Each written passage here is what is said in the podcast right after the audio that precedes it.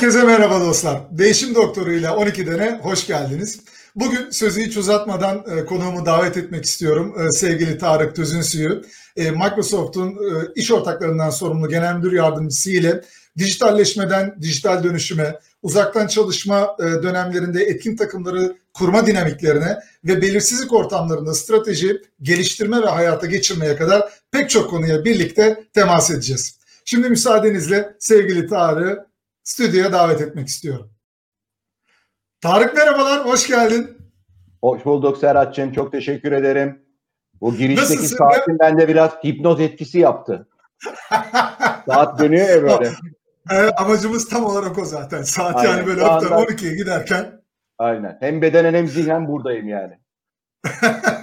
Harikasın. Çok teşekkür ederim. Nasılsın öncelikle? Ya, adettendir sormak isterim. E, tabii pandemi dönemi ortalık biraz karışık ama e, evet, senin evet. kanatta nasıl her şey yolunda mı? Sağlık saat, e, vaziyetler nasıl? Çok teşekkür ederim. Yani herhalde bu dönemde zaten sağlık yerindeyse başka bir şeyden şikayet etmemek lazım diye düşünüyorum. Şu ana kadar e, Allah'a çok şükür benim ve etrafımdaki insanların sağlığı o yüzden de iyiyiz diyelim. Harikasın. Çok teşekkür ederim. Ee, Tarık e, programın adı biliyorsun 12'den e, ve evet. mottosu da evirip çevirmeden tam 12'den. E, dolayısıyla herkesin dilinde böyle e, bu dönemde e, kalbinde, iş hedeflerinin merkezinde global yapılan araştırmalarında gösterdiği gibi tepe yönetimlerin üç önceliği arasında dijitalleşme kavramıyla ilgili hı hı. mevzunun kalbinde yer alan birisisin. E, globalde hı. hani bu işin piri diyebileceğimiz e, şirket hangisidir diye adreslesek hı hı. o dikeyde hı. tam da bu işin e, kalbindesin. Dolayısıyla hı hı. sana şunu sormak istiyorum. Herkesin niyetinde, hevesinde, hedefinde bir dijitalleşme, dijital dönüşüm var ama sorduğun anda bile bu kavramları doğru algılayamadıklarını anlıyorsun. Verdikleri daha bir iki cevaptan bile. Bir kere evet. teknik anlamda dijitalleşme ve veya dijital dönüşüm nedir Hı. sevgili Tarık? Biraz bize netleştirir misin şu kavramları? Tabii çok teşekkür ediyorum tekrardan soru içinde. Yani e, ilk başta şunu söyleyeyim. Bu dijital dijital dönüşümün e, dijital kısmından çok dönüşüm kısmı daha zor. Yani konuşuruz onu. Senin asıl uzman olduğun alan içine insanın girdiği taraf daha zor. Estağfurullah. Yani, çok doğru. Biliyorsun, biliyorsun bir işin bir prosesin içinde insan varsa hiçbir proses ondan daha karmaşık olamaz. E, dolayısıyla da o taraf daha zor. Dijitalleşmeyi dediğimiz zaman da ben çok öz yani çok basit anlamda iş iş yapmaktaki bütün proseslerinizde teknolojiyi sonuna kadar kullanmak diyelim buna.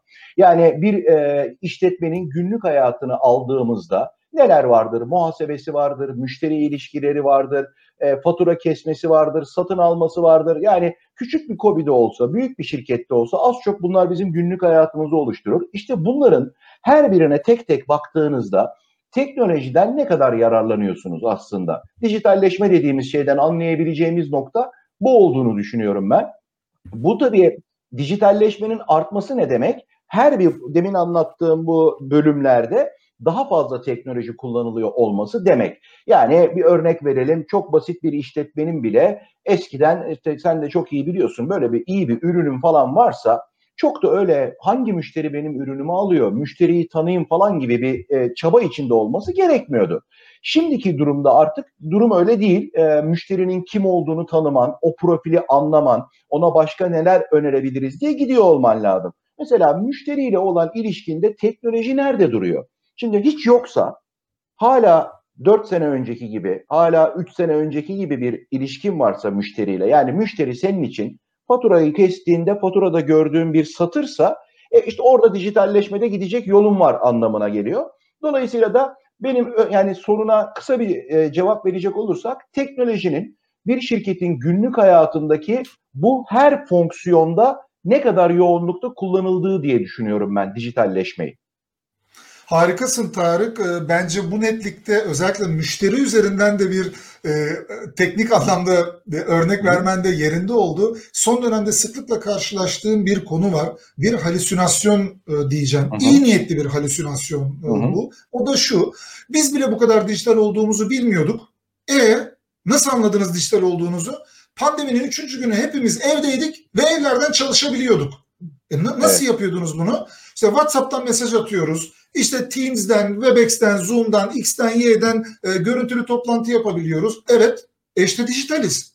Ya bunun adı uzaktan çalışma. Yani evet. E, sen hani bir tarafını işin kullanıyorsun ama diğer tarafta acaba teknoloji süreçlerinin tamamını yedirebildin mi? Karşılaşıyor Aynen. musun sen de böyle anlam karmaşalarıyla Tarık? Çok, çok sıklıkla karşılaşıyorum. Çünkü e, yani teknolojiyi kullanmayan ne bir birey kaldı ne bir şirket kaldı. Ama tabii dijitalleşme dediğimiz şey bu değil. Bu belli bir plan dahilinde Bravo.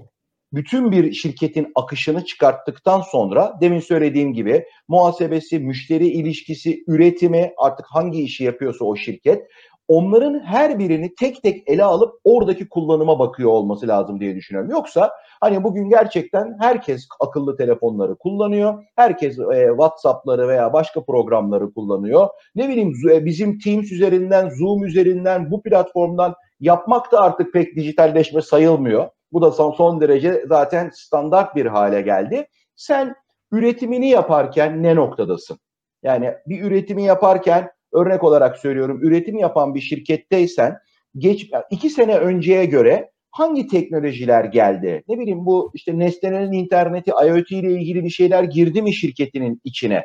E, çünkü o, çok ciddi şekilde şunu görüyoruz ki e, bizim Microsoft Türkiye olarak en önemli hedeflerimizden biri e, Serhat, benim de kişisel olarak motivasyon noktalarımdan bir tanesi Türkiye'de iş yapan her şirketin global anlamda rekabet edebiliyor noktada olması.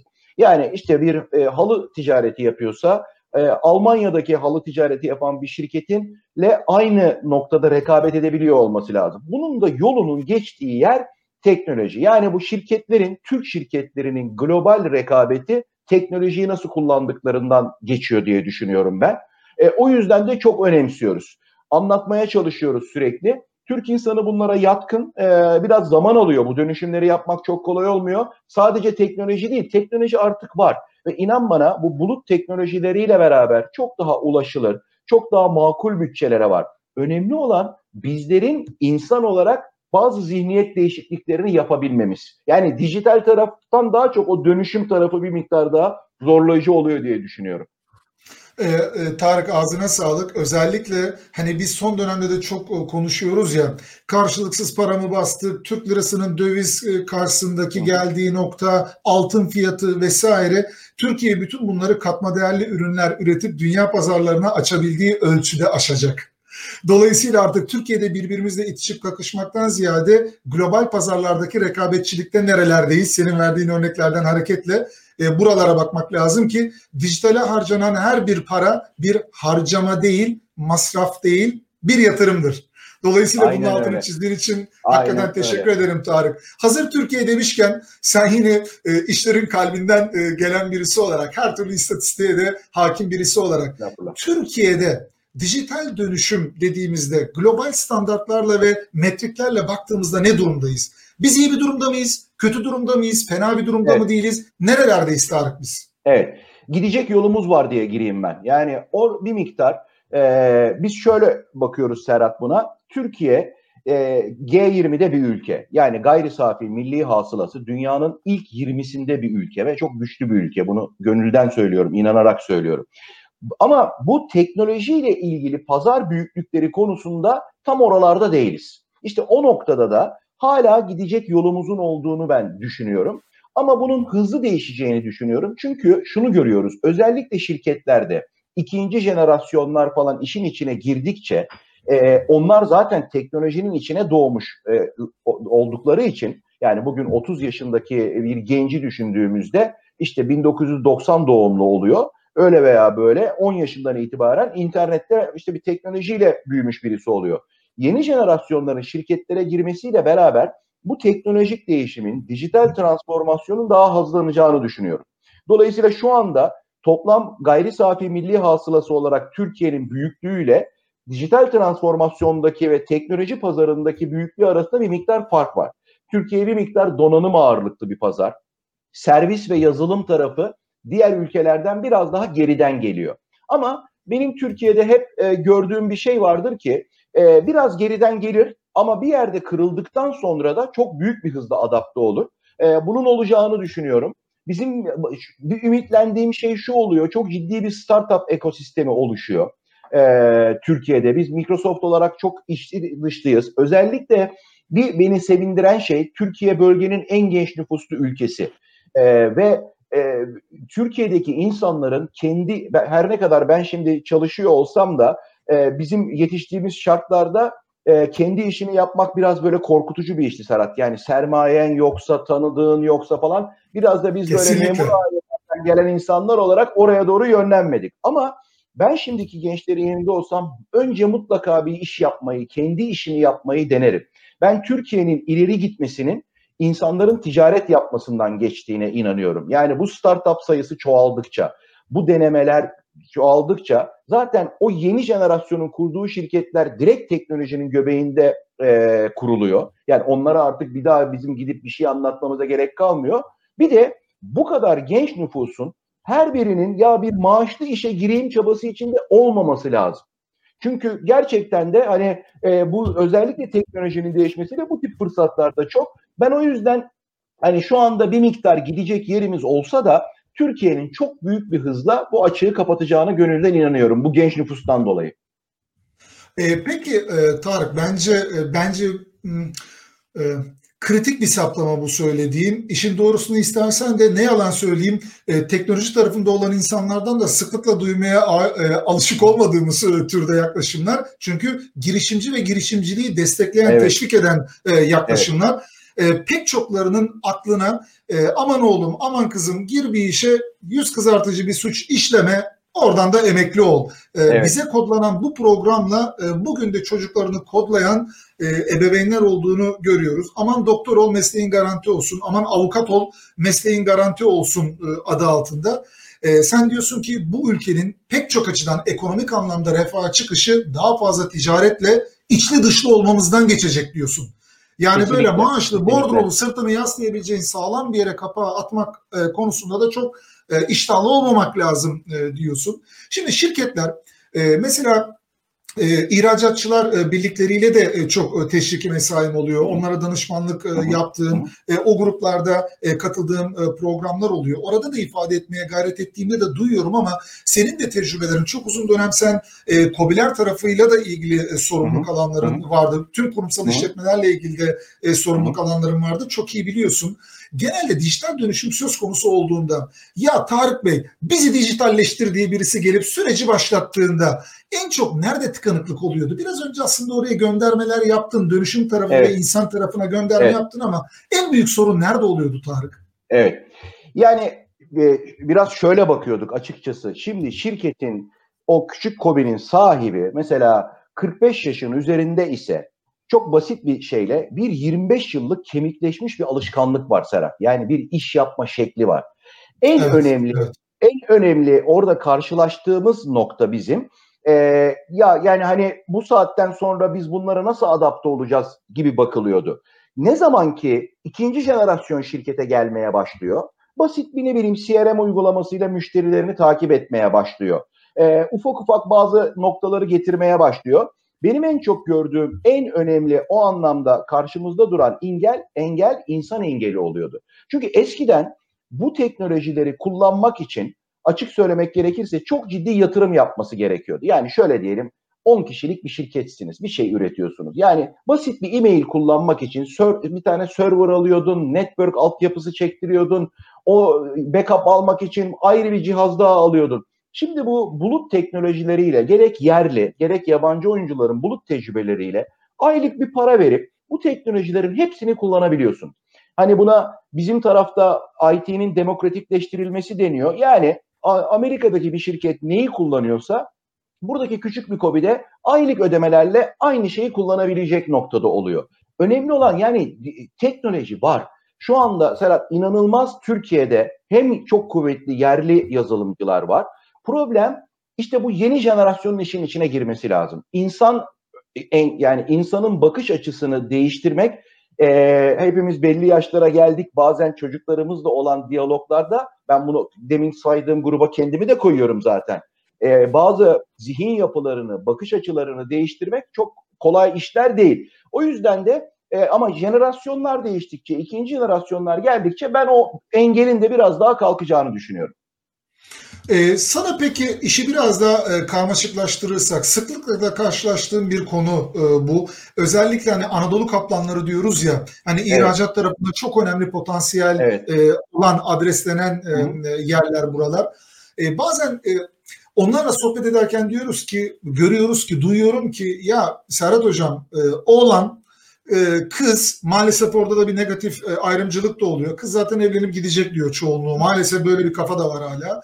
Oğlan diyor bizim işlere meraklı değil. Şimdi ikinci kuşaktan ya da yeni nesilden yeni kuşaktan diyelim.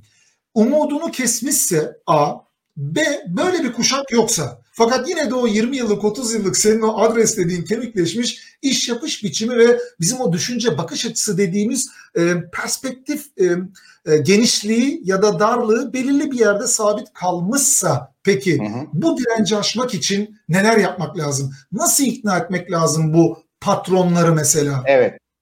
Yani orada bizim e, bir kere önce kendi sektörüne bakar o patron. Yani ben ne yapıyorum işte e, ufak e, atıyorum gömlek üreticisiysem e, valla başkasının teknoloji başka gömlek üreten benim size'ımdaki şirketlerde gördüğüm bir örnek varsa e, adam bu sayede gömleklerini daha pahalıya sata, satma, daha çok satma veya lojistik masraflarından kurtulduğunu görüyorsam Serhat o zaman harekete geçiyor. O yüzden de bizim hep düşündüğümüz şeylerden bir tanesi belli bir sektörde bir tane bir iki tane güzel örnek yakaladığımız zaman o sektöre bunu duyurmanın e, insanlarda çok ciddi etkili ol. Ben çünkü biz Microsoft olarak da gitsek, başka bir üretici olarak da gitsek, o gömlek üreticisine biz bir şekilde de kendi ürünümüzü anlatıyoruz farkında olmadan. Ee, anlatabiliyor muyum? Yani teknolojide ayrı bir jargon kullanıyoruz. Karşıdaki insan çok doğal olarak bunun ne demek istediğimizi tam anlamıyor falan böyle sıkıntılar oluyor. Ama onun yanındaki bir gömlek üreticisinde uyguladığımız zaman bir şeyi ve orada gördüğü zaman o zaman değiştiriyor. Çünkü kendi işini yapan birisi e, benden daha fazla satmaya başladı, benden daha çok para kazanıyor ya da lojistik masrafını adam yarıya düşürdü. Neyse o etki. O yüzden de bizim yapmaya çalıştığımız şey o değişimi bu arada biz kendimize de yapmaya çalışıyoruz. Yani biz IT'de olan insanlar olarak e, dünyadaki herkesin bu IT sözlüğüyle konuştuğunu bazen düşünüyoruz. E, dolayısıyla karşıdaki insan bazen ne dediğimizi tam olarak anlayamayabiliyor. E, bir de bazen havada tabirler kullanıyor. İşini verimli yapmak için teknoloji kullanman lazım. Hiçbir şey ifade etmeyen bir cümle bu benim için yani.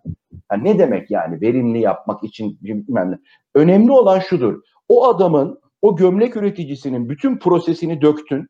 Dedin ki ya bak sen burada bu gömlekleri şöyle şöyle satın alma prosesin var ya senin. Burada bir problem var. Burada şunu yaparsak şu olur dediğin zaman adam anlıyor. Ama bu ben en nefret ettiğim şeydir. Yani e, hep konuşurken de bu e, çok böyle süslü gibi duran ama ayağı yere basmayan, karşıdaki insana evet tamam verimli olayım. Peki ne, ne demek verimli olmak? Onun için ne demek verimli olmak? O yüzden de hani çok uzattım ama doğru örneğin ben o sektörde bir, bir iki tane örnek seçip bir başarı hikayesi yaratıp diğerlerine göstermek olduğunu düşünüyorum. Evet, Tarık ağzına sağlık. Şimdi hani Cem Yılmaz'ın stand-up gösterilerinde söylediği bir şey var ya hani yaz girişinde falan böyle kilo vermek istersen birazcık daha fit olmak istersen hani gider spor salonuna parayı verirsin yıllık aboneliği evet. yaparsın. Bir kere o aboneliği yaptığın anda şöyle bir 3-5 kilo vermiş %10 yağdan kurtulmuş gibi bir hisse Aynen. kapılırsın ya. Halbuki kiloyu verdiren oraya abone olmak değil. Oraya Aynen. haftada 2 mi gideceksin 3 mü gideceksin? Aynen. Yani o bağları ağırlıkları indir kaldır indir kaldır yapmaktan geçiyor işin kritik tarafı. Senin bu söylediğin aklıma ne getirdi biliyor musun? 80'li yılların sonu, 90'lı yılların başı e, IBM e, gümbür gümbür batıyor. E, o zamana kadarki dünyada eşi benzeri görülmedik büyüklükteki e, bir organizasyon kurumsal dünyada. E, tabii bir kargo şirketinin CEO'sunu transfer ediyorlar e, Lou Geschner'i. E, buradan da hani kulaklarını çınlatıyoruz. Kim demiş e, filler e, dans edemez diye de hani kitabı vardı. Söylediği bir şey var. Şirketin içinde tabii herkesin murun kırın ettiği böyle bıdı bıdı ettiği, koridor FM'in çalıştığı kargocu mu kurtaracak teknoloji şirketini falan diye. E, kitabında söylediği bir şey var. IBM'de ilk iş şunu yaptık diyor. Bütün proseslerimizi diyor çarşaf gibi yere serdik. On binlerce sürecimizin üzerinden teker teker bir mimar hassasiyetiyle yeniden tanımladık süreçlerimizi.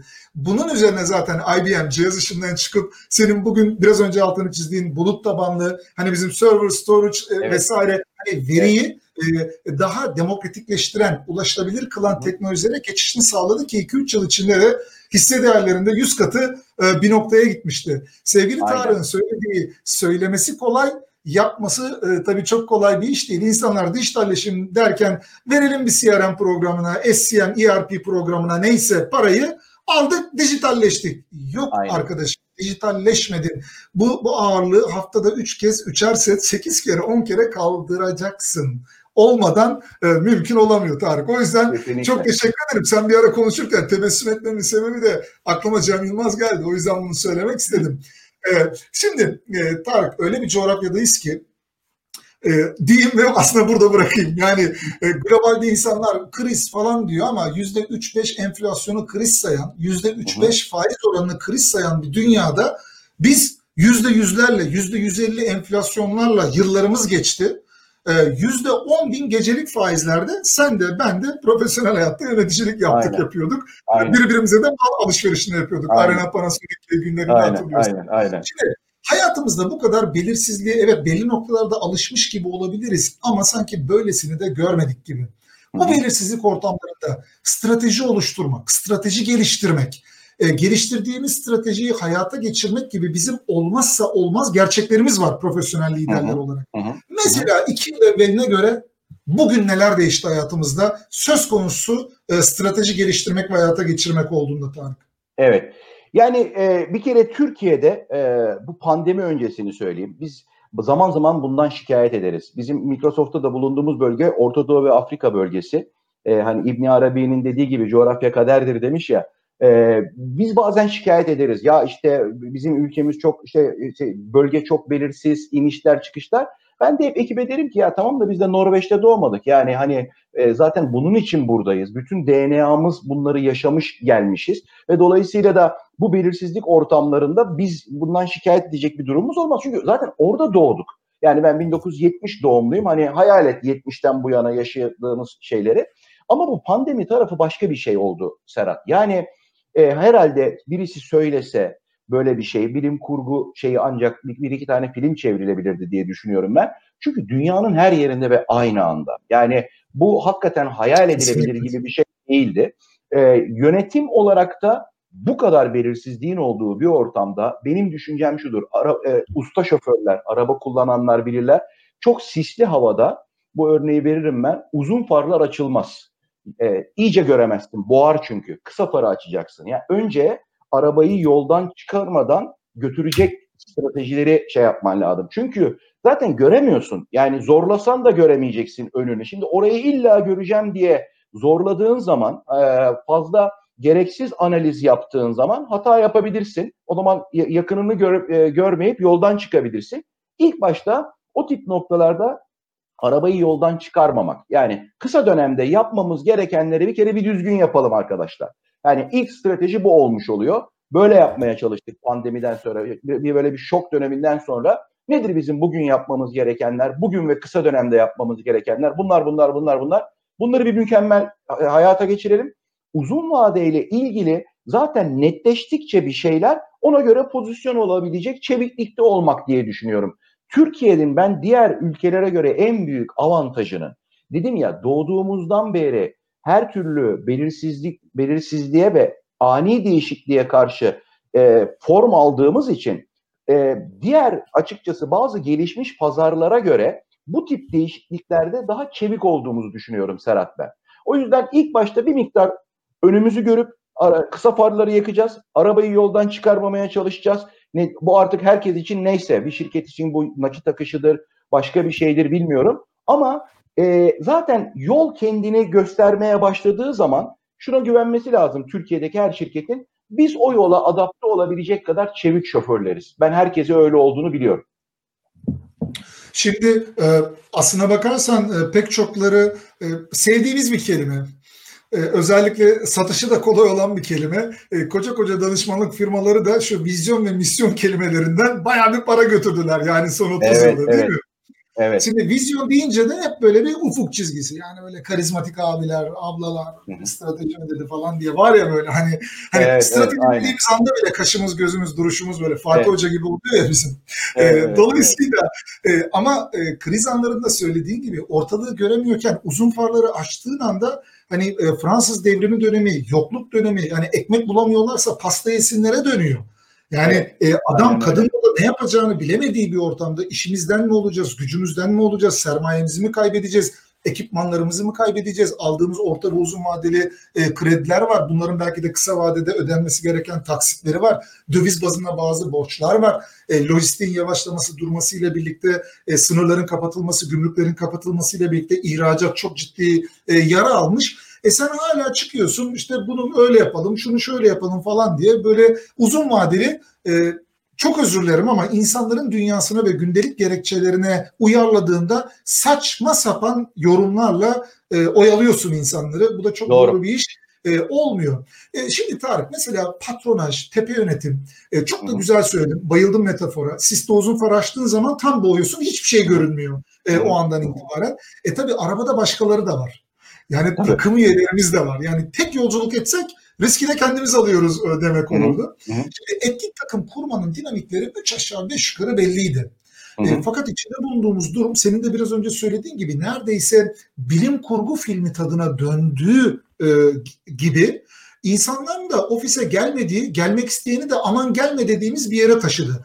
Ve uzaktan Doğru. çalışma, uzaktan motive etmeyi de kendiliğinden başarıyor mu mesela? Etkin evet. takımlar kurma ve yönetme dinamiklerini değiştirdi mi bu uzaktan çalışma evet. gerçekleri evet. Tarık? Yani şöyle Türkiye için daha da zor. Yani biz çünkü temas kuran, e, omzuna dokunan, e, ne bileyim işte e, gidip iki tane iki lafın belini kıralım diyen bir şeyden ve bunu seven bir e, yerden geliyoruz. Ben şimdi yaptığım işten dolayı farklı kültürdeki insanları görebiliyorum. Yani biz tipik bir Akdeniz ülkesiyiz. Bizim açımızdan e, o temas gerçekten motivasyon noktalarımızdan bir tanesi. Buradan baktığımızda evet bir miktar bu adapt adaptasyonda şey oldu. E, ilk başta zorlanıldı açıkçası. En önemlisi ben çünkü ekiple çalışırken karşımdaki insanın yüz ifadesinden, o gün işe gelişinden e, bir şey anlıyorsun zaten onun moral durumuna ilişkin bir fikrin, fikrin olabiliyor. Dokunma, konuşma imkanın olabiliyor. Bunun olması biraz zaman aldı Serhat. Bunun tabii online olması e, zaman aldı.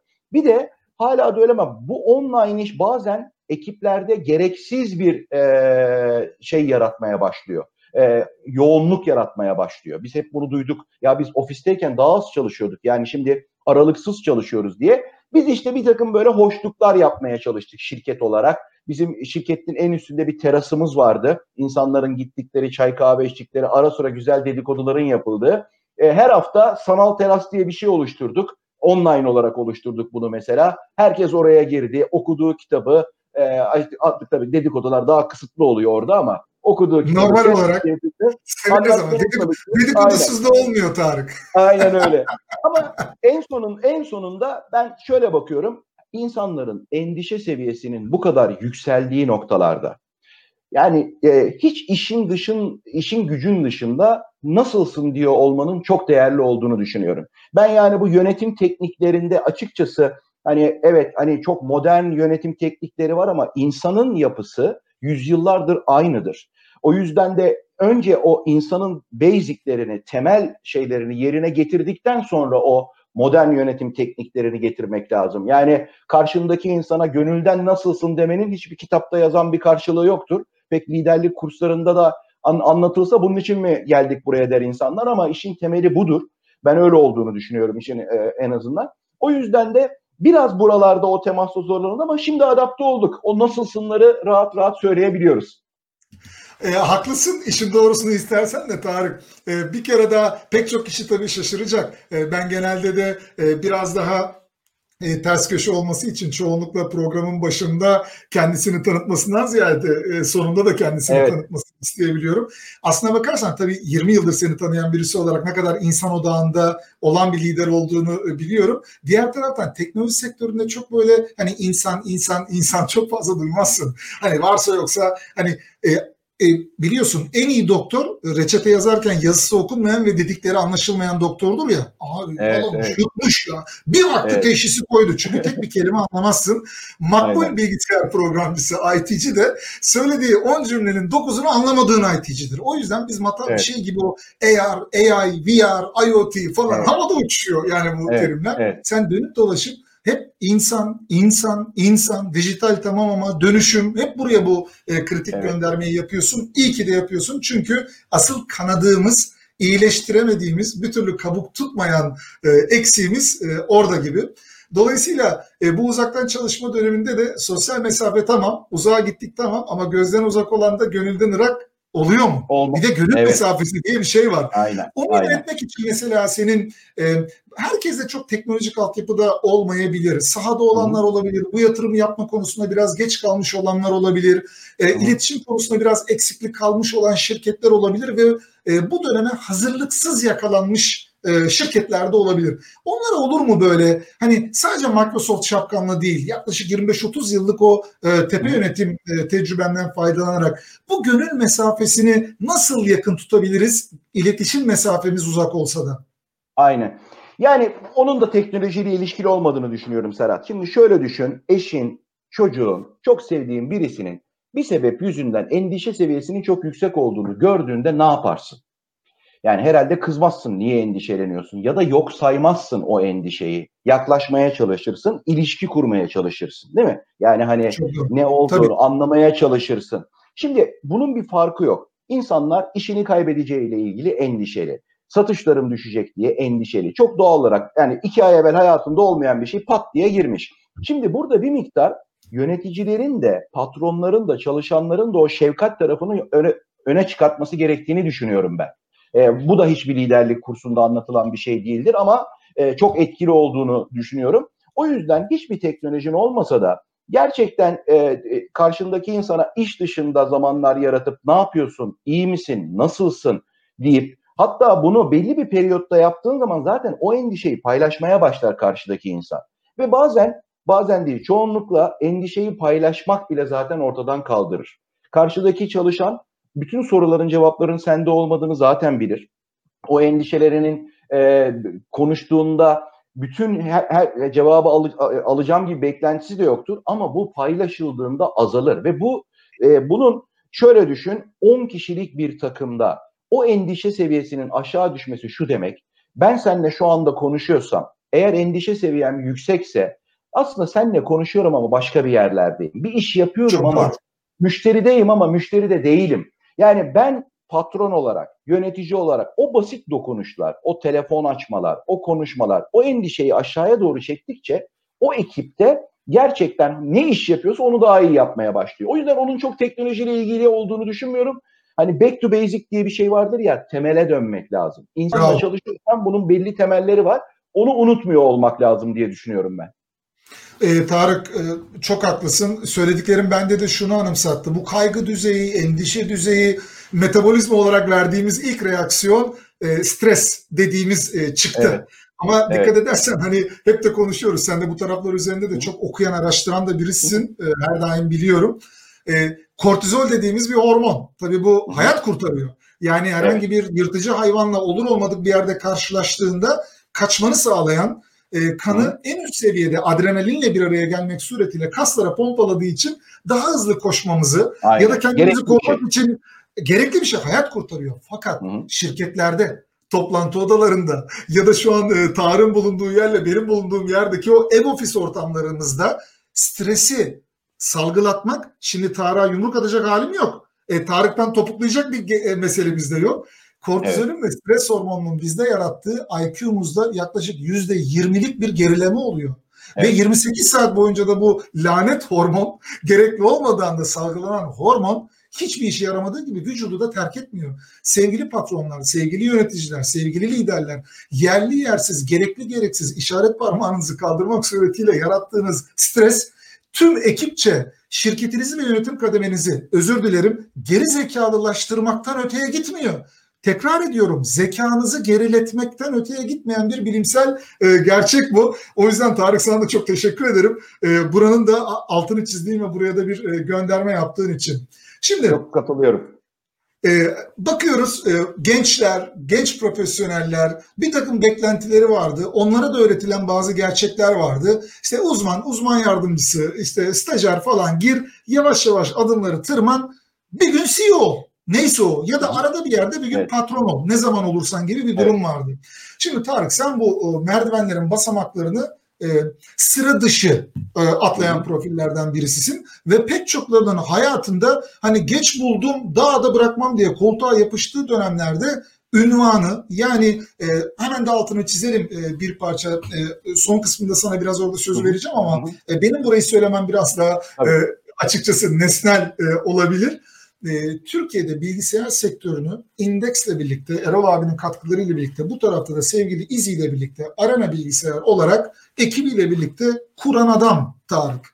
Dolayısıyla milyar dolar hacimlere kadar olmayan bir sektörü ve şirketi var edip halka açılmasından dünyanın en büyük IT dağıtıcıları Reddington'a satışına kadar götüren sürecin de mimarlarından diyeyim tevazu e, olsun e, senin adına. Dolayısıyla oranın CEO'su olduğun andan itibaren pek çoklarının daha da ben burayı bırakmam dediği bir noktada bile hani bu ünvanı pek çokları için şaşırtıcı da olabilecek e, bir dönemde teşekkür ederim. Ben biraz daha farklı dalgalarda surf yapmak istiyorum diye okumuştum ben o gün senin evet. bir dostun olarak. Evet. Bugünkü gençlere de önemli bir ışık tutacağına inanıyorum. Uzun girizgah yaptım soruyu ama 20 yıl 30 yıl öncesiyle bugünün arasında iz bırakmak isteyen gençlere, genç profesyonellere, kariyer yolculuklarına dair ne anlatmak istiyorsun? Oyunun kuralları değişti mi Tarık? Evet. Yani çok kolay değil ama bir kere hayatlarındaki kavramlı bazı kavramları doğru yorumlamak lazım e, Serhat. Yani hep söylüyorum bunu mesela başarı kavramını yanlış yorumlayarak yola çıkan bir insan bütün ömrünü çöpe atar gerçekten nedir senin için başarı? Ee, bunu doğru senin için başarı nedir? Yani hakikaten iyi bir şirkete girip çok para kazanmak mı? Yani bir şeyler sahibi olmak mı? Bu mu seni çok huzurlu bir insan haline getirecek? Gerçekten böyle mi kendini çok iyi hissedeceksin? Bu bazı kavramlara yolun başında iyi tanımlıyor olmak lazım.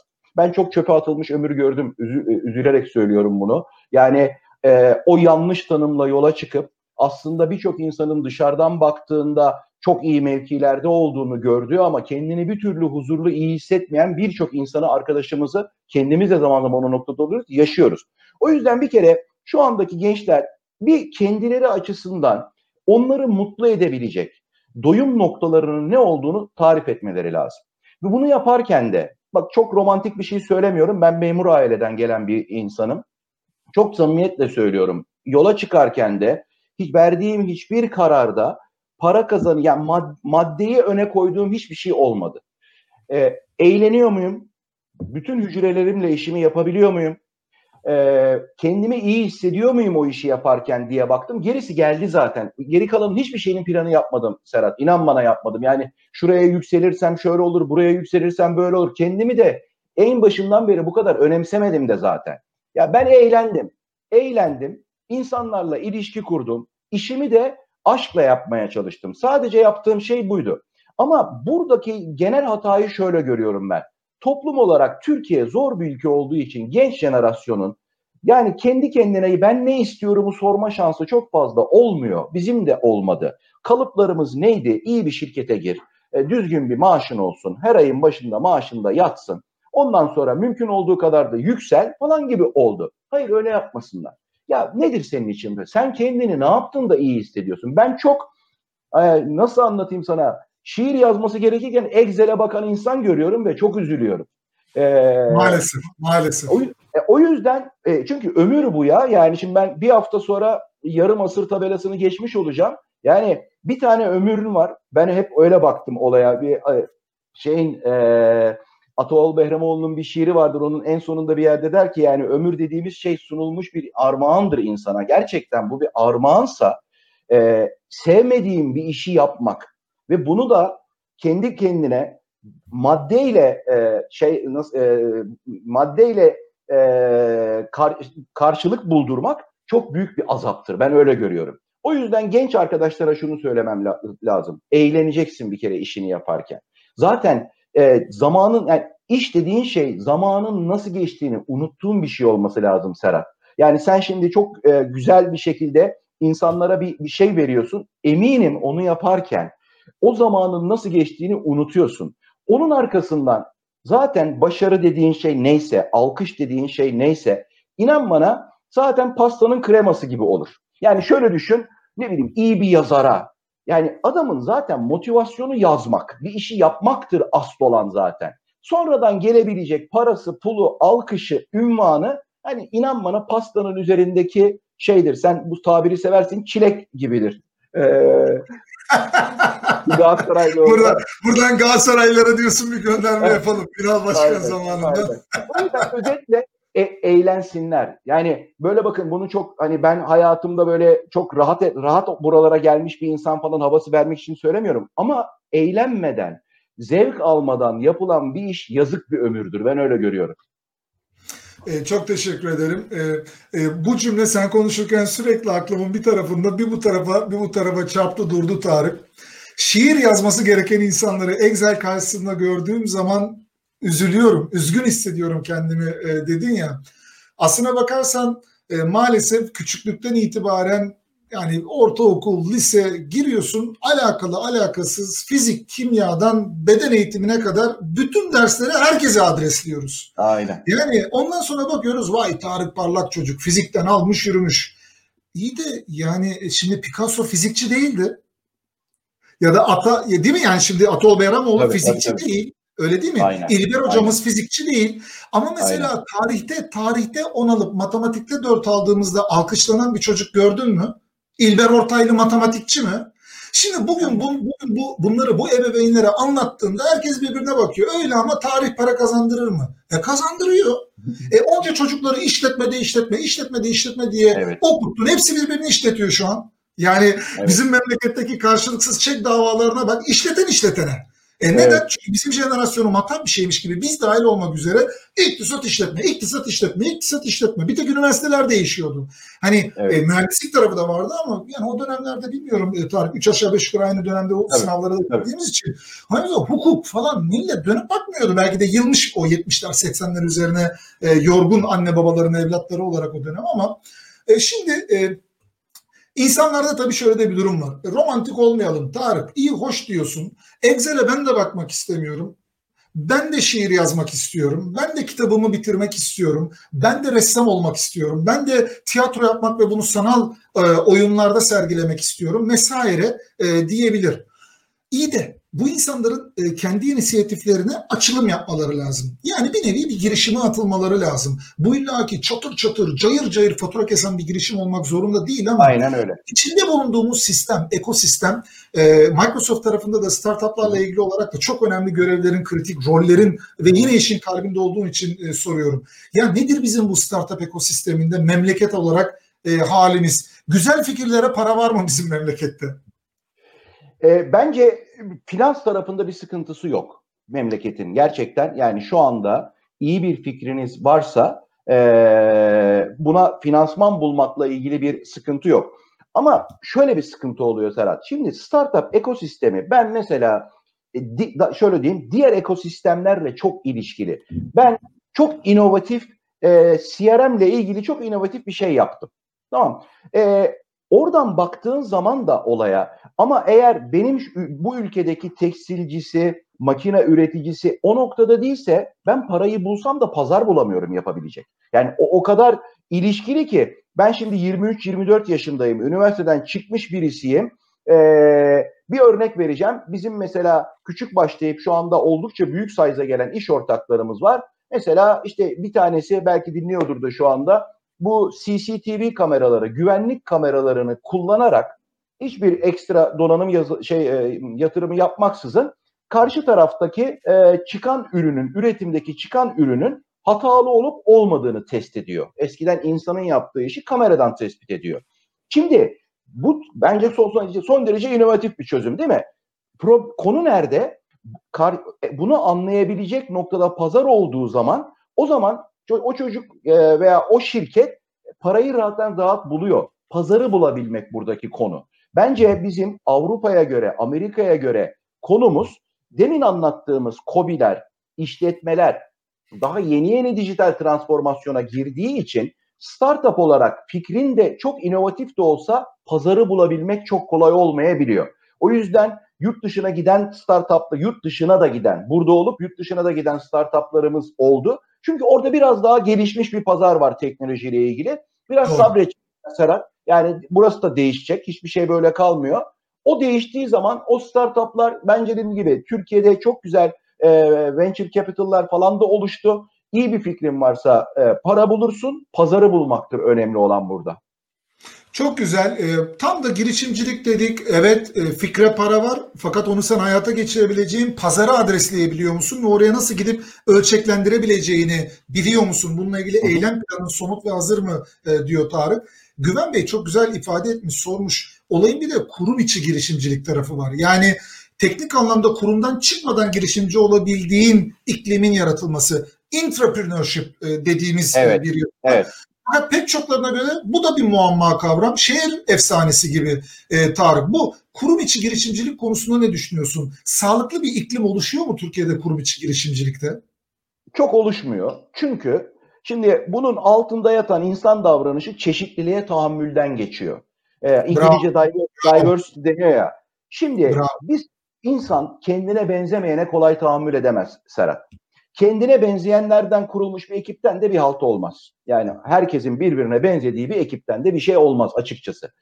O o çeşitliliğe tahammül edebildiğin zaman zaten o çeşitliliğin içinde bulunması gereken profillerden bir veya birkaç tanesi de senin anlattığın tarzda insanlar olacaktır.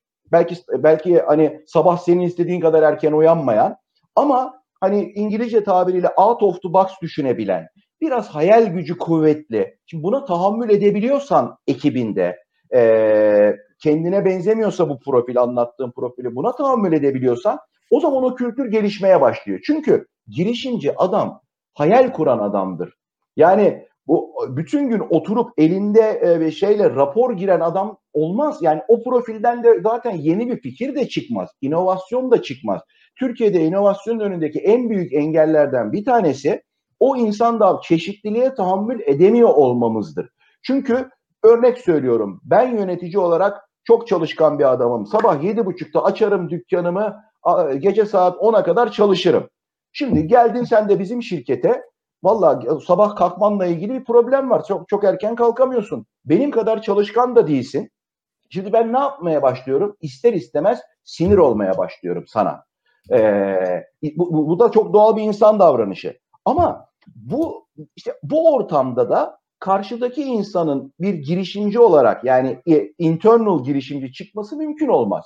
Çünkü sen adama o hayali kurabileceği yani beş tane deneme yapacak, dördünden fail edecek, bir tanesi geçecek. Bunlara tahammül edebilecek noktada birisiysen yönetici ya da patron olarak olur. Ama Türkiye'de bu az.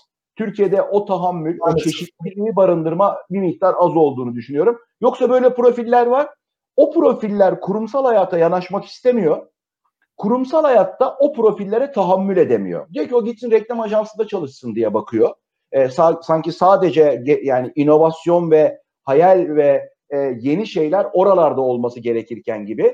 O adam da kendini hiçbir zaman gidip o lojistik şirketinin bir parçası olarak göremiyor zaten. Ben o çeşitliliğe tahammül olmadığı sürece o inovasyonun ve iç girişimciliğin beslenebileceğine inanmıyorum. Ee, Tarık e, biraz önce sevgili Çelebi de burada yorumlarında yazmış. Bizim eğitim sistemimizden itibaren nedense e, farklı olmayı biz numune olmak, cinslik, çıkıntılık e, gibi bir takım etiketlerle bastırmaya çalışıyoruz. Yahu sevgili arkadaşım, sevgili kardeşim çıkıntı olun, çıkıntılık yapın. Birbirimize bu kadar benzeyen hani e, ya poker oynamıyoruz. Beş benzemezin para etmediği tek yer poker. Yani organizasyonlarda, takımlarda, e, inovasyonda e, hani Steven Shapiro'nun ünlü inovasyon danışmanının e, burada Tarık'ın söylediğini destekleyen e, bir e, açılımı var. Diyor ki olabildiğiniz kadar en uçlarda farklılaşın diyor. Uçlarda çeşitliliği katın bünyenize. Ancak öyle inovatif olabilirsiniz diyor. Aynen, Yoksa aynen. herkesin sesi hamamda birbirine güzel gelmiyor mu Tarık? Aynen, yani bir, aynen. bir araya bir geliyoruz. Mesela 20 Fenerli bir araya bir geliyoruz. Vay bize bu yapılır mıydı falan diyor değil mi? Ya da 20 Aynen. Galatasaraylı bir araya geliyor. Herkesin sesi birbirine güzel geliyor. Aynen, Avrupa aynen. Fatih, Avrupa Fatih, Avrupa Fatih. E, ama gidiyorsun son 30 maçta ortada galibiyet yok. Yani Aynen. demek istediğim e, biraz daha farklı sesleri duymaya da tahammül olacak. Ya bizim Kesinlikle. kültürel normlarımızda mı Tarık? Biz neden bu çıkıntı seslere çok kendimizi uyumlayamıyoruz? Evet. Bu mükemmelliyetçilik meselesine fazla mı takıldık? Hatalardan neden böyle bir illet gibi bahseder duruma geldik biz Tarık? Evet. Yani biraz şöyle e, bizim yetişme tarzımızda bir çocuğun kendini değerli hissetmesi ortaya koyduğu sonuçlarla ilgilidir. Sen olduğun için değerli hissetmezsin bizim kültürümüzde. O verilmez sana. Çok enderdir. A- İster istemez bizim anne babalarımız da zor şartlardan geldiği için hep şunla kodlanırsın. Yaptıkların kadar değerlisin. Okuduğun okul kadar, yaptığın iş kadar, ortaya çıka- çıkarttığın kadar değerlisin. Şimdi bu tabii çok büyük bir cenderedir. Ee, insanın kendini değersiz hissetmesi olabilecek en kötü şey olduğu için sen kendinin ne istediğini, hayal kurmak mı istiyorsun, biraz çıkıntılık yapmak mı istiyorsun, onları çok düşünmeden o yola girersin ve devam edersin. Ama benim hayatta gördüğüm iz bırakan insanların hepsinin ortak özelliği, yani en basiti çalıştığım şirketi söyleyeyim. Microsoft şu anda dünyanın e, üç e, büyük şirketinden biri. Aslında gencecik bir çocuğun hayalinin ürünüdür. Yani Harvard'ı son sınıfta bırakıp bence herkesin evinde bir PC olacak hayalinin ürünüdür bu şirket. Yani böyle acayip büyük bir prosesler falan onlar sonradan gelmiş. Önce o hayal kurulmuş. Bizim yapımızda Serhat dediğim gibi mesela çocuklarımızı anlatırken, birilerine çocuklarımızı anlatırken övünme noktalarımıza iyi bakmak lazım. Benim çocuğum çok hayal kuruyor diye çok övünecek bir şey değildir yani biliyorsun. Çok da hoşlanılmaz. Hani okuduğu oku, aldığı, aldığı not. Bunlar da bunlar anlatılır. Anne baba koltukları kabarır ama halbuki akademik başarı ve hayat başarısı çok farklı iki tane şeydir ve hayat başarısı insanın o hayal kurması da çok önemli bir yetenektir. Bizim kültürümüz belki yeni jenerasyonlarla değişiyordur. Ee, Serhat ama bizim yetişme tarzımız çok ona izin veren, o sürünün dışına çıkmaya izin veren, normalden ayrılmaya izin veren. Çünkü şöyle söyleyeyim yani soru sormak yoktur mesela bizim kültürümüzde. Soru sormak teşvik edilmez yetişmemizde. E şimdi yani o profili hayal et şimdi sen. Çıkıntı olan bir insan sorgular. Bu niye böyle? Şu niye böyle? Böyle olsa olmaz mı? Zaten o soruların sonucunda da bir şey çıkar ortaya. Yani e, bir örnek vereceğim bununla ilgili olarak. Doğru soruları sormak çok kritiktir diyorum ben inovasyon tarafında. Bu 2006'da ilk işte Apple iPhone'u çıkarttı. Sonradan iPad çıktı iPhone'un ne olduğunu anladım da iPad'i çok anlamamıştım ya. Yani böyle bir acayip boyutlu bir alet, incecik falan. Sonra bir uçakta giderken de bir şey okudum, makale okudum. Şöyle çıktığını anlatıyordu. Ben bunu hep e, üniversitelere falan konuk olarak gittiğimde de anlatıyorum. Apple o dönemde işte sen de o sektör, eber aynı sektör dedik. Diğer markalar işte bu HPC, Dell falan e, daha iyi işlemci, Koray 5, Koray 7 falan bunlar falan böyle uçarken Apple bir soru sormuş. Demiş ki insanlar bu cihazları, bu laptopları, notebookları hangi amaç için kullanıyor? Değil mi? Son derece aslında basit. İkiye ayırmış. Bir tanesi demiş ki e, içerik üretmek için kullanı- kullanıyor. Bir de içerik tüketmek için kullanıyor. Demiş ki bir bakın bakalım etrafa. İnsanlar bu laptopu vakitlerinin yüzde kaçında içerik üretmek için, yüzde kaçında içerik tüketmek için. Bir bakmışlar ki yüzde 75-80 oranında insanlar içerik tüketmek için kullanıyor. Adam demiş ki peki o zaman böyle bir şekil olmasına gerek var mı? Böyle bir klavye, burada yanında CD-ROM'lar falan. Ee, oradan yola çıkarak çıkmış. İşte nedir o? Ama o soruyu sorabilecek, e, durup dururken bir anda o soruyu sorabilecek iklimi yaratıyor olmaktır. Çünkü son derece salakça bir soru gibi geliyor aslında. İnsanlar e, bu notebookları hangi amaç için kullanıyorlar sorusu. Halbuki onu besleyen bir şeydir. İşte bizim kültürümüzde sorgulama, soru sorma biraz böyle çok alışkın olmadığımız noktalar olduğu için ama Allah'tan yeni jenerasyonla beraber hani bazen çok şikayet ediyorlar ya Serhat bu Z kuşağı falan ben çok ümitliyim. Yani biz sanki süper bir kuşaktık da hani şimdi Allah için bizdeki psikolojik bozuklukları sanki hiç bilmiyoruz. Hepimiz son derece sağlıklı yetişmiş bireylerdik de onları eleştiriyoruz. Ben onları çok daha sağlıklı Ya sırlarımızı, sırlarımızı afişe ediyorsun burada. Yapma Tarık ya. Süper biriz. Niye öyle diyorsun? Aynen. O yüzden çok ümitliyim yeni gelecek jenerasyondan. Onlar bizim her istediğimizi yapmıyorlar. Bir miktar o normların dışında kalıyorlar.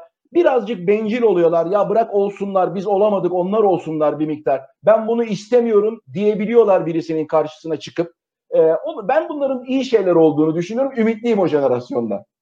Şimdi Tarık sen o jenerasyona tabii gönderme yapınca e, bu sakın da yanlış anlaşılmasın. Oraya muhalefet ettiğim için de söylemiyorum ama e, hani bir şey eksik ama ne diyen hani bizim e, jenerasyon özellikle adına R2'de, nefes terapisi de, mandala de, aile dizimi de hani e, sıramatik e, düğmesine basıp kuyruğa giriyorsun. E, ne çok mu paramız var? Fazla mı meraklıyız biz? Neden oraya parayı verme noktasına geldik? Hani bizi bir şey eksik ama ne noktasına ne getirdi? E, yeni nesil kuşak, arkadaşlarımız, kardeşlerimiz de bize bakıp ders alsınlar ve bizim içine düştüğümüz bu tuzaklara düşmesinler. Biz bir şeyleri ıskaladık ki bu kuşak olarak bu kadar nefes al ver. Ya insan cinsi nefes alıp vermeyi öğrenmek için para verir mi ya? Yani evet. yanlış anlaşılmasın. Bilmiyoruz ki demek ki birileri öğretiyor. Yani herhalde öyle olduğunu düşünüyorum ben. E, dolayısıyla nedir biz nefes almayı bile unutacak ya da öğrenemeyecek kadar neyi kaçırdık sence Tarık? Evet. E, yani işin özünü kaçırdık herhalde. Çünkü demin söylediğim gibi bazı tanımların e, bazı tanımları başkalarından ödünç aldıklarınla yola çıktığın zaman bir ömrü çöpe atabiliyorsun dedim ya. Yani mesela evet. başarı dediğin şey insanın kendini iyi hissetmesidir Serhat. Benim etrafımda gördüğüm, senin benim anlamda tanımlanmış hiçbir başarısı olmayan ama kendini çok iyi hisseden insanlar var. Benim için dünyanın en başarılı insanlarıdır. Demin ıskalanan şey şu, kendi gerçekten senin ne istediğini kendini tanımadan, benim ne istediğime karar vermeden işte bize yüklenen o bilgilerle yola çıkıp onları da birer birer geldikten sonra lan buradan da bir şey olmadı ya. Yani tamam onu da olduk. ikinci evi de aldık. Daha da e, işte promote da olduk deyip ondan sonra insanlar o hayatlarındaki doğal olarak bence boşluğu doldurabilmek için e, o yollara gidiyorlar. Ben Çetin Altan'ı çok severdim. Onun e, 75 yaşında kendine yazdığı bir uzun bir yazı vardır. Tavsiye ederim dinleyenlere. Bir yerinde der ki o benim benim hayatımdaki hep şey noktalarından biri olmuştur.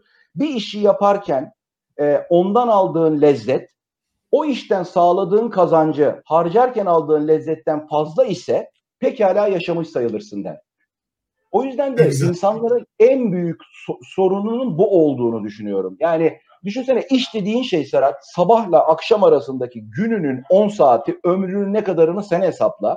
Ya bunu sevmediğim bir şeye e, yapmak işte nefese de o zaman gitmek ihtiyacı hissediyorsun. Diğer tarafta çünkü bir şeyler içinde bir şey eksik. iyi hissetmiyorsun ya. En basitinden iyi hissetmiyorsun. Huzurlu hissetmiyorsun.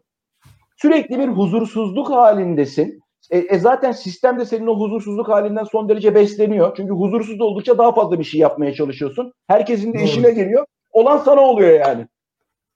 Sadece sana olsa ekibe de oluyor bir taraftan. Aynen öyle. Ekibe, ekibe oluyor.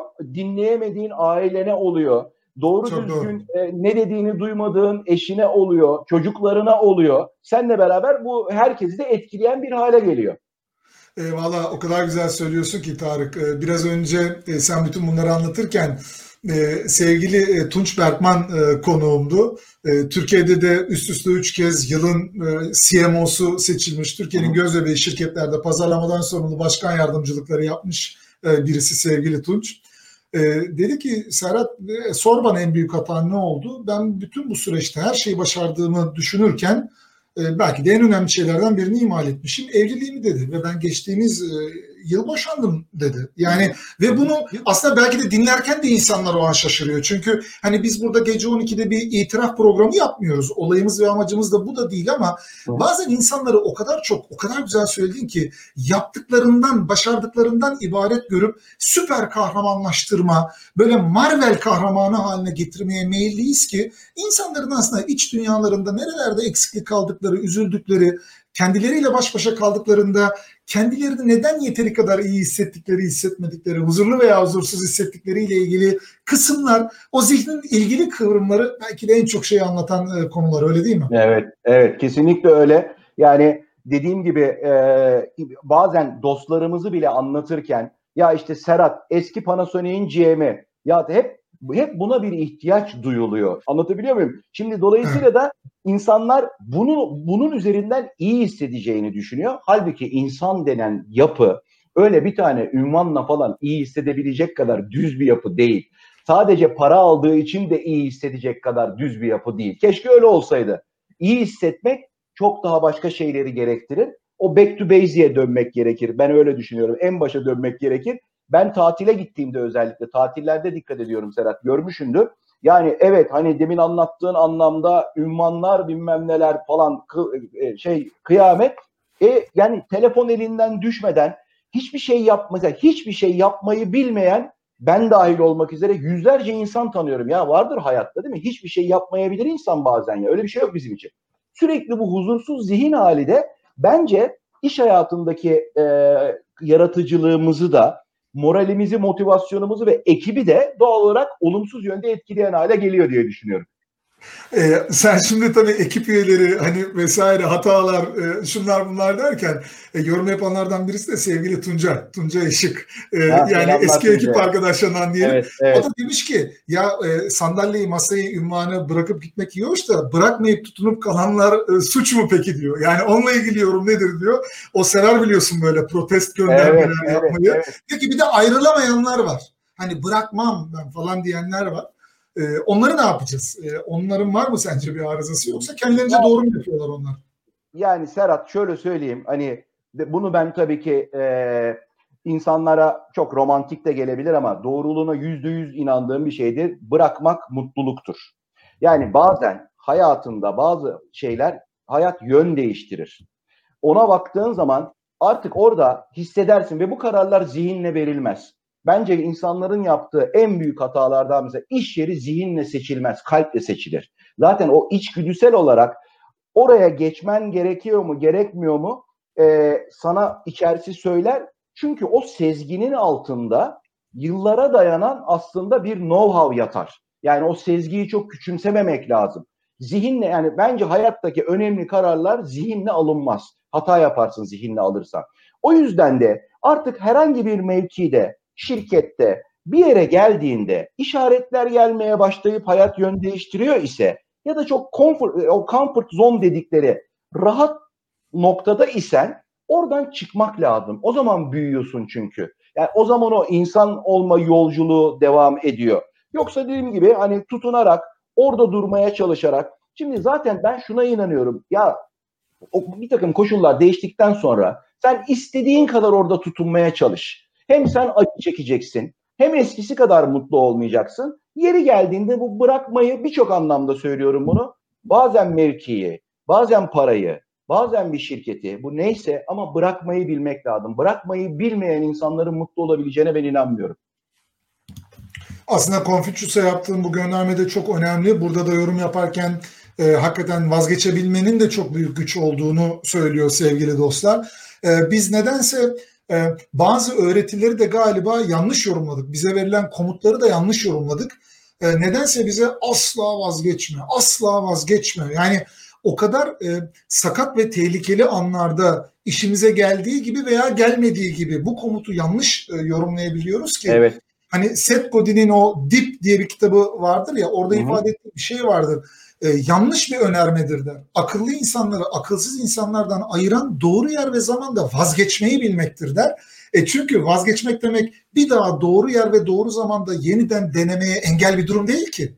Aynen yani öyle. E, Aynen. E, askeri stratejide bile ki biliyorsun hani strateji binlerce yıl evvelinden militer düzenden e, bizim ithal ettiğimiz bir kavram. E, savaşlarda bile geri çekilmek diye bir taktik var.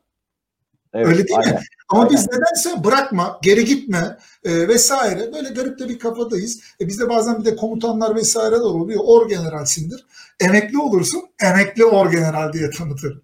Yani evet. çünkü kimse tonton bir amca olarak anılmayı istemiyor. Yani aynen öyle. o yüzden biraz önce söyledin yani para işte, ne, işte insanlar kendini tanıtıyor. Çok enteresan. E, uluslararası ya da e, yerel organizasyonlarda bir insanlar birbirini tanıtırken eğer ki o an için anlatabileceği, aktarabileceği somut ve havalı bir ünvanı yoksa bir önceki seferki jelatinli ünvanı paslamak istiyor. Microsoft'un eski genel müdürü. Evet, Microsoft evet. 10 yıl genel müdürdüm. Evet. Yani şu an yani e, senin CV'ni anlatmıyor ki. Başka bir şeyini evet. anlatmıyor. E, sen de burada başarmak e, mutluluktur derken, e, bırakmak mutluluktur derken, başarı insanın kendisini iyi hissetmesi derken biraz bunları aslında e, anlatıyorsun değil mi? E, Kesinlikle. Yani o mesela asla vazgeçme. Benim için evet asla vazgeçme. İyi niyetli olmaktan asla vazgeçme. Etik davranmaktan asla Çok vazgeçme. Yaşa. Adil olmaktan asla bunlar bunlardır. Yoksa bir şirketten asla vazgeçme ya da bir e, bir işten e, çünkü düşünebiliyor musun ben şuna mesela çok yadırgıyorum e, bazen sosyal medyada falan da görüyorum. O 30 yıldır aynı şeyi düşünüyorum. Nasıl olabiliyor ki ya? Yani ben mesela şimdi 50 yaşındayım Serhat. 20 yaşındaki Tarık'ı düşünüyorum. 20 yaşında ben 20 yaşındayken ki dünyayı düşünüyorum.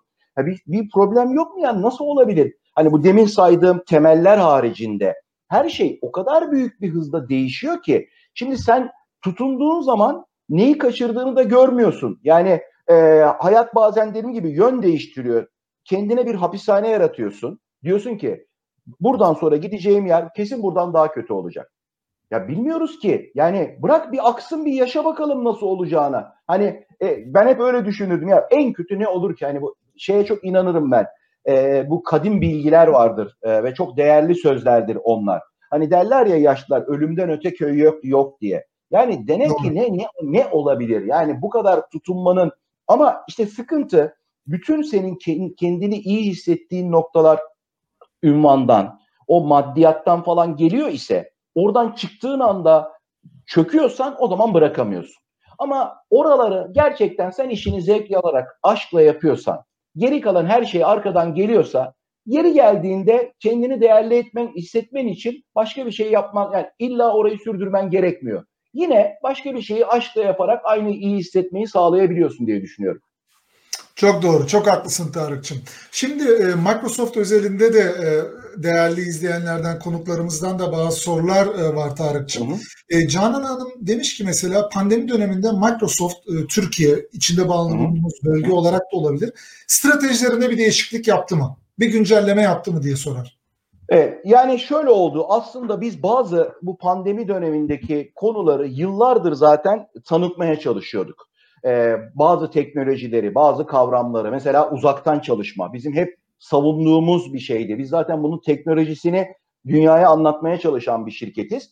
Dolayısıyla stratejilerimizde değişiklikler kısa dönemde e, çok zorlanan müşterilerimiz oldu Serhat bildiğin gibi. Yani çok e, işleri iyi olan müşteriler de oldu. Çok ciddi yani düşünelim bir günde bütün mağazaları kapanan bizim müşterilerimiz oldu.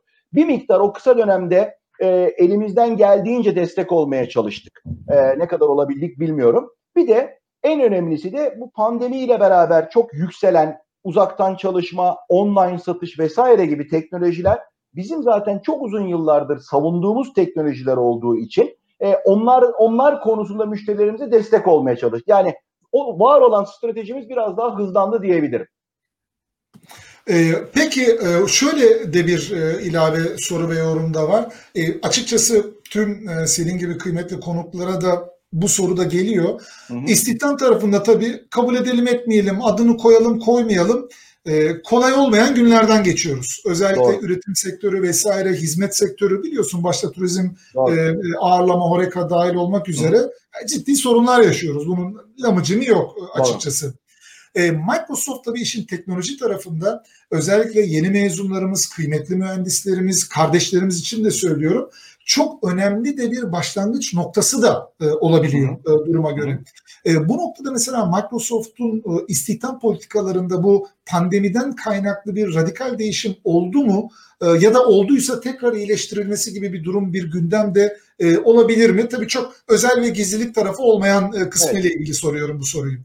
Olmadı yani açık söylemek gerekirse olmadı çünkü bir teknoloji şirketi olarak aslında hani e, e, zaten e, yükselen şirketlerden biri noktasındaydık. Oradaki politikası da yani bu son 2-3 yılda daha uzun zamandır genellikle yeni mezunları alıp e, özel bir programı var Microsoft'un seçtiği. O programdan yetiştirdikten sonra içeri koymak gibi bir şeyi var. Yani illa deneyimli olması, illa bilmem ne kadar iş tecrübesinin olmasına bakılmıyor. Kişiye daha çok bakılıyor. O programa girdikten sonra da belli bir zaman sonra şirketin ona uygun olan bölümlerinde yerleştirme gibi bir e, durum olabiliyor. E, yani Artı veya eksi yönde bir değişiklik olmadı Serhat. Ne kadar gerekiyorsa e, o program açılıyor yılın belli zamanlarında. Oraya başvurular oluyor. İhtiyaç dahilinde de yeni istihdamlar sağlanıyor. Ama Türkiye'nin geneli için katılıyorum. Üzüldüğüm noktalardan bir tanesi özellikle genç arkadaşların. O yüzden zaten ben bu e, şimdi yaşlı olduğumuz ortaya çıkıyor. Müteşebbis diyecektim. Girişimci e, gir, gir, gir, girişimci olmayı çok önemsiyorum. Çünkü ya Türkiye'de bu kadar genci barındıracak kadar şirket öyle büyük şirket olmaz. Olması da gerekmiyor zaten. Başka işler yapabilirsiniz. Yani o yüzden de ben o şeyin çözümünü, o istihdamın Türkiye açısından söyleyeyim, o girişimcilikte olduğunu düşünüyorum. E, açıkçası gelen sorulardan, yorumlardan da e, görüyorum sevgili Tarık. E, en çok e, e, olumlu e, sürpriz e, aslında e, senin bulunduğun rolün ve pozisyonun ve şirketin ve bugüne kadar e, bulunduğun sektör itibariyle analitik kimliğinin e, paralelindeki bu hani bilgelik, kadim bilgelik, e, biraz daha hani hakikaten o sağ beyne gönderme yapan e, tarafları, e, kalple karar alma süreçleri, bırakmanın mutluluk olması konuları vesaire e, çok ciddi herkesi tabii etkilemiş durumda. E, bu arada sevgili dostlar e, e, Tarık Düzülsü'ye aktarmamı istediğiniz sorularınız varsa da yorum kısmında bir taraftan e, bakıyorum. Onları da büyük bir memnuniyetle aktarmak isterim. E, Canan Hanım demiş ki e, bu stratejik hedefler e, kısmı tamam ama mesela skor kartlardaki bu parasal hedeflerde bir değişiklik oldu mu? Yani e, malum pek çok şirketin performans yönetim sistemi Tarık hani yıl sonunda hedefi tutturdun tutturdun parayı primi ona göre alırsın almazsın vesaire. Sıklıkla da e, bizim de danışmanlar olarak sıklıkla bütün e, organizasyonlarda karşılaştığımız ortak gündem evet. bu. Yıl sonu Tabii. hedefleri, parasal hedeflerde vesairede değişiklik oldu mu? Çünkü insanlar e, zaten döviz bazında e, bilmiyorum tabii memlekette hani dövizle maaş alıp tuzu kuru olanlar da e, olabilir. Siyasi bir gönderme yapmaksızın bunu söylüyorum ama e, memleketteki yüzde 99 kırılıyor ve her geçen gün fakirleşiyor. Dövize endeksli olarak fakirleşiyor. Hı hı. Hiç olmazsa acaba yıl sonunda bir prim olur, şu olur, bu olur bir şeyler evet. alabilir miyiz? Ne telaşındalar. Microsoft evet. orada bir değişiklik oldu mu?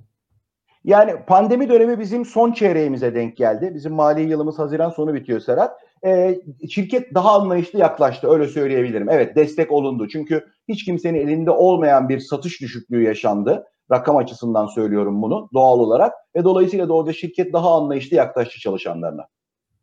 E, peki işin dijital ve teknoloji tarafı ile ilgili düşünürsek mesela 2019'a göre burada Almanya'da bile e, ilgili bakanlar arka arkaya açıklamalar yapıyorlar.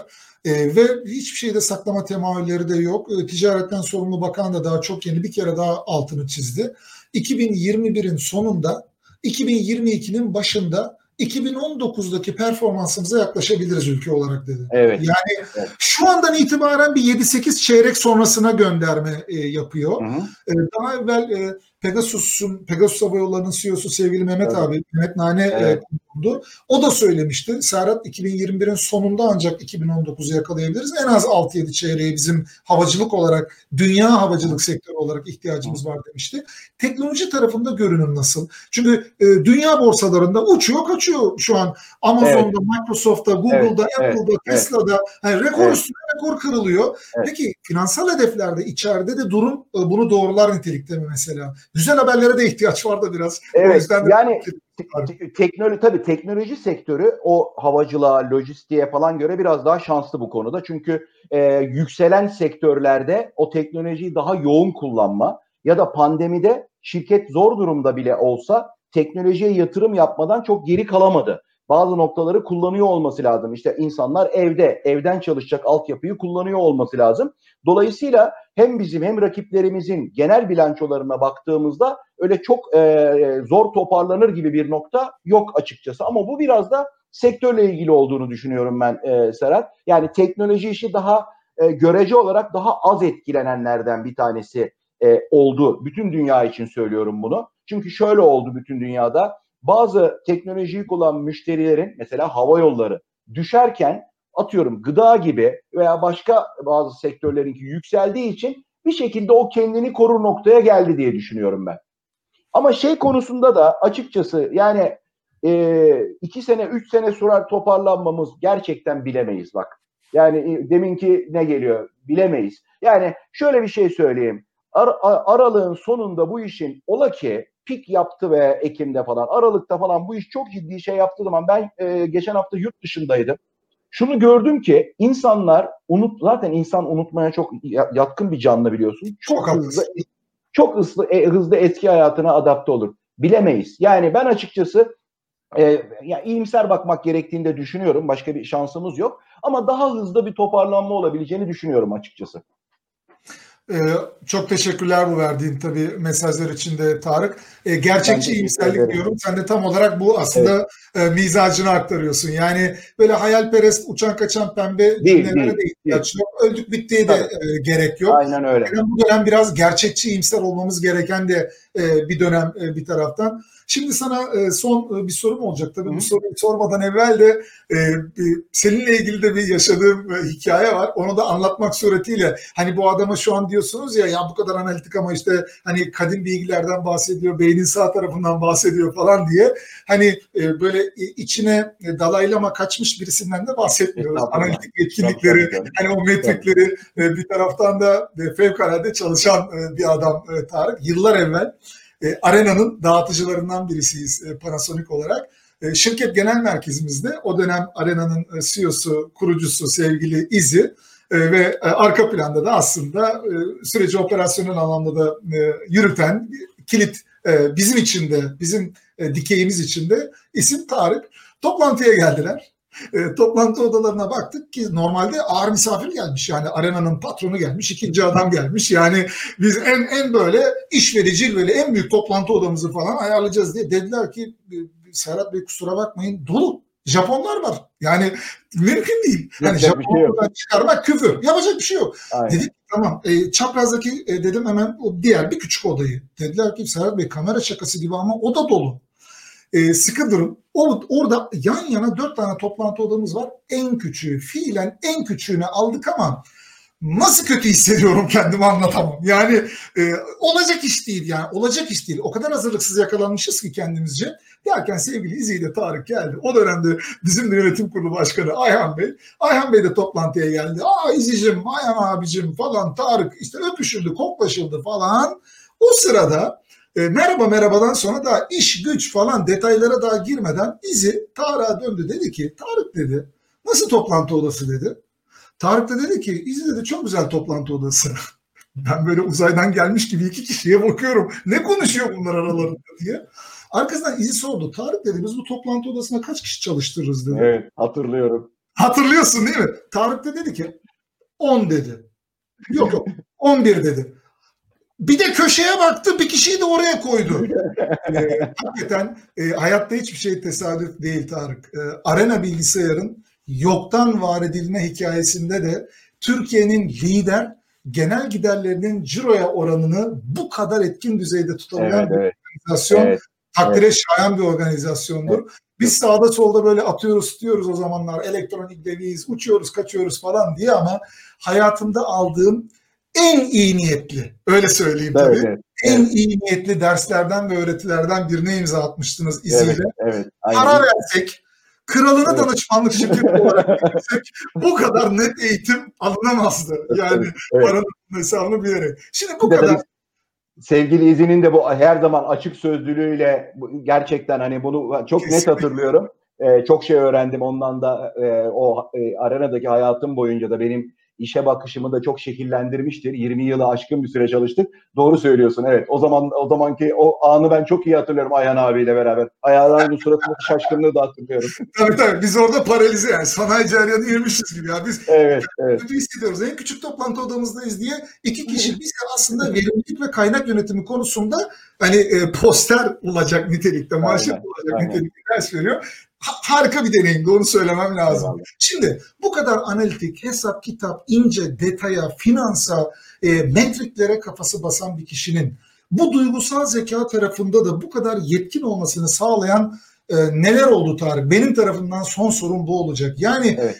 IQ tamam ama EQ tarafında Tarık Tüzünsü'nün 20 yılla bugün arasındaki çok ciddi gelişim yolculuğuna da şahit olmuş birisi olarak soruyorum. Aa, Neye borçlusun? Buna merak salan eşe dosta ne tavsiye edersin? EQ tarafına, duygusal zeka tarafına da yatırım yapmak isteyenler için soruyorum. Evet. E, teşekkür ediyorum. Yani ben e, şöyle inanıyorum. E, benim ekibimdeki arkadaşlarımın e, çok büyük çoğunluğunun IQ'su benden yüksektir. E, ve bundan da gururla söyleyebilirim. E, zaten yüksek IQ'lu bir ekibi ancak yüksek bir e, duygusal zeka ile yönetebilirsin diye düşünüyorum ben. E, çünkü zihin dediğimiz şey biraz problem çözmede kullanılan bir şeydir. Doğru ama hayatın akışı içinde bir şirketi yönetmek, fırsatları görebilmek, insan doğru insanı çalıştırmak bunlar sadece IQ ile çözüle, çözülemeyecek kadar komplike işler. Ve şunu gördüm ben Serhat hani böyle bazı doğru bilinen yanlışlar vardır iş hayatında ya işte iş hayatında duygulara yer yoktur falan gibi. Halbuki yönettiğin tek şey insanların duygularıdır aslında bir şirkette. Yani ben bir şirketi iyi veya kötü yere götüren şey orada çalışan insanların ki ben bunu şu anda çok uluslu bir şirkette çalışıyorum. Geçmişte daha lokal bir şirkette de gördüm. Bir şirketi şaha da kaldırabilirsin. Gerçekten arabayı alıp arabayı alıp duvara da vurabilirsin. Karşındaki insanın insan olduğunu ve duygularıyla performans veren bir yapı olduğunu anlamadığın zaman e, iyi bir yere gitmeyeceğini düşünüyorum. Dolayısıyla benim birazcık bu iş bu konudaki şeyim muhtemelen kendi karakterim ama şunu çok net gördüm etrafımdaki insanlardan. E, o demin söylediğim çeşitliliğe sahip bir ekibi kurabilmek IQ'dan geçmiyor. Ya da pazarda oluşabilen fırsatları görebilmek de IQ'dan geçmiyor. Ya da yeni bir girişime cesaret etmek de IQ'dan geçmiyor. Hatta çok IQ, yüksek IQ'lu insanlar da yani e, mutlaka girmemesi gereken kadar olumsuzluk bulur. Bu birazcık hafif kafayı hafif kafayı çatlatmaktan, hafif hislerine güvenmekten. Yani şöyle söyleyeyim. Gerçekten Steve Jobs'ın, Bill Gates'in başarısı inanın IQ'sal başarılar değil. Buna inanın. Yani hayal gücü, oradaki o e, şey düşünme yoksa gerçekten IQ ile yapılabilecek işler sadece diyorum. Sadece IQ ile yapılabilecek işler değil. O yüzden de ben hem yaptığım işten zevk almak adına hem insanlarla madem temas ediyorsam ister istemez onu da inan böyle belli bir program dahilinde yapmadım. Yani benim kendi hayata bakışımda merkezde insan olduğu için hayat beni oraya doğru ilgi alanım o oldu Serhat. Açtım YouTube'u onları dinledim bir miktar. Yani bir taraftan yapay zeka ile ilgili şeyleri de ben dinliyorum ama bir taraftan e, bunları da yani insan olduğu için işin içinde onları da dengelemeye çalışıyorum. O yüzden de yeni e, şey yapacak arkadaşlara da hep onu söylüyorum. Yani sadece teknik şey okumayın. Eğer ki gerçekten şirkette insan yönetmek, lider konumunda olmak istiyorsanız ki o okuduğunuz şeyleri de ilgi alanlarını da çeşitlendirmek lazım. Yani çünkü şöyle düşün. IQ'su son derece yük, yüksek genius kendini ifade edemiyor.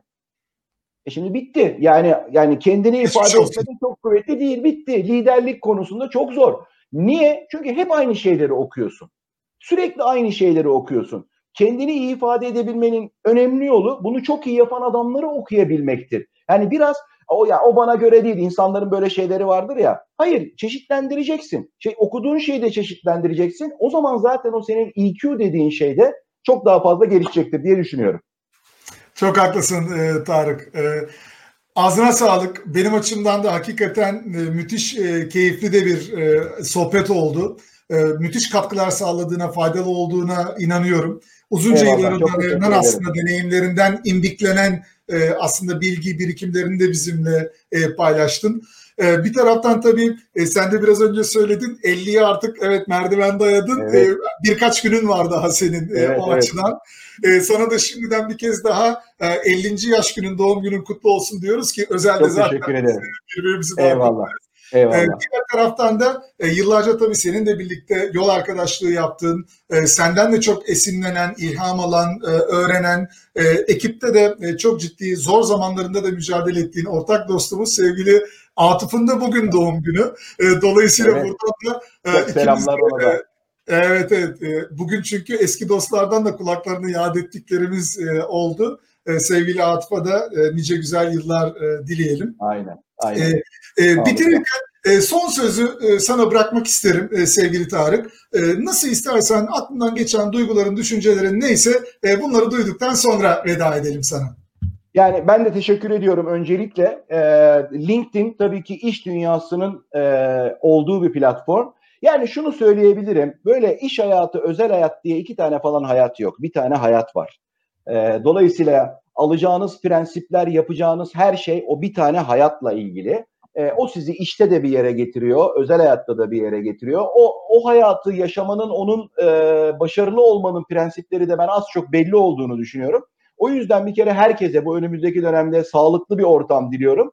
E, ve hani ara sıra böyle e, şey nasıl anlatayım e, bu tip sohbetlerde olmanın, dinlemenin e, çok insanın rahatlatıcı olduğunu düşünüyorum. O yüzden de mümkün olduğu kadar seni de kaçırmamaya çalışıyorum Serhat'cığım.